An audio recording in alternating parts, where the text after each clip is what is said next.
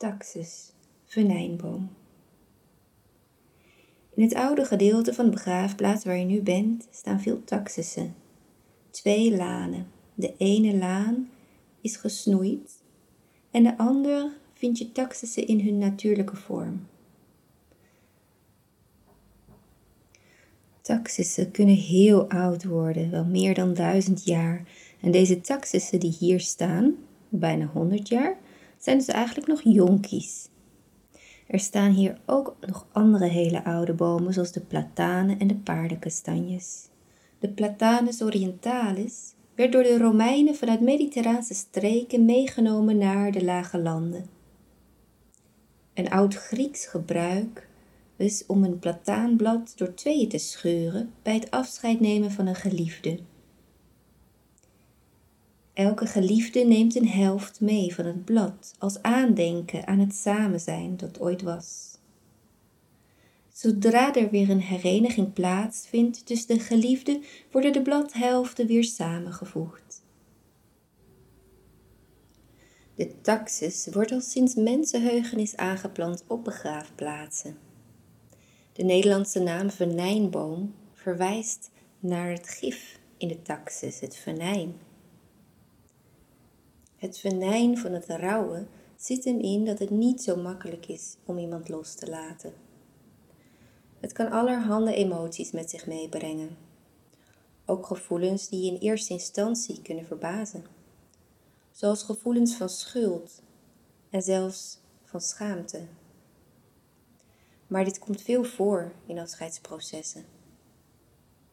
Had ik maar, denk je al snel. Voor sommigen straalt de taxus somberheid en zwaarmoedigheid uit vanwege zijn donkere kleur. Voor anderen staat de taxus als groen blijvende boom ook in de winter symbool voor hoop en leven na de dood. Uit de taxus wordt een stofje gewonnen, taxol, dat gebruikt wordt in een medicijn tegen kanker, bij vrouwen in de eierstokken met name. En in die zin is het dus zeker een hoopgevende boom. Op die manier zijn onze levens op fysiek niveau sterk verbonden met planten, nog altijd. De taxus is een bijzondere boom. Hij kan meer dan duizend jaar oud worden en draagt een al even zo oude symboliek in zich mee. Het is een sterke boom en werd al door de oude Germanen gebruikt om bogen bijvoorbeeld van te vervaardigen voor pijl en bogen. Heel veel volkeren, ook de Kelten, wisten al lang geleden dat de taxus giftig is. Gif en medicijn liggen natuurlijk dicht bij elkaar. Pijlen of spieren werden wel in het gif van de taxus gedoopt. Er is een kloosterlegende die verhaalt dat bij het sterven van Christus heel de natuur meetreurde. Er heerste een doodse stilte. Alleen de planten onderhielden zich met elkaar. Ja, sprak de taxus, ook ik zal de graven beschermen en het gif wil ik leggen in mijn bomen en twijgen, opdat nog de gonzende bijen, nog de zingende vogels de rust van het graf van Christus komen verstoren. Volg de taxuslaan tot de eerste splitsing. Ga daar naar rechts, langs een paar dikke paardenkastanjes hebben we drie paardenkastanjes. Eentje als solitair, die staat bij de drie platanen.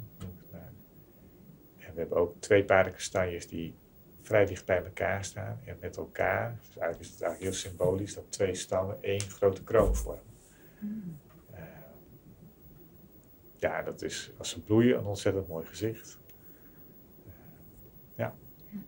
En de kinderen kunnen goed kastanjes zoeken. Hey. De bloeiperiode van de kastanjes is in mei, juni. En ja, behalve een plek voor de doden, is de begraafplaats ook zeker een plek voor de levenden, een gedenkplek. En een plek waar heel veel planten groeien en bloeien, die ook weer fauna aantrekken, dieren en insecten. Misschien kom je hier wel de zwanen tegen. Of fazanten. Jeroen vertelde mij dat die zich vooral te goed doen aan de hyacintenbollen. Het pad komt uit bij het herdenkingsmonument van de Joodse begraafplaats. En over dit monument vind je meer informatie op oorlogserfgoed.nl.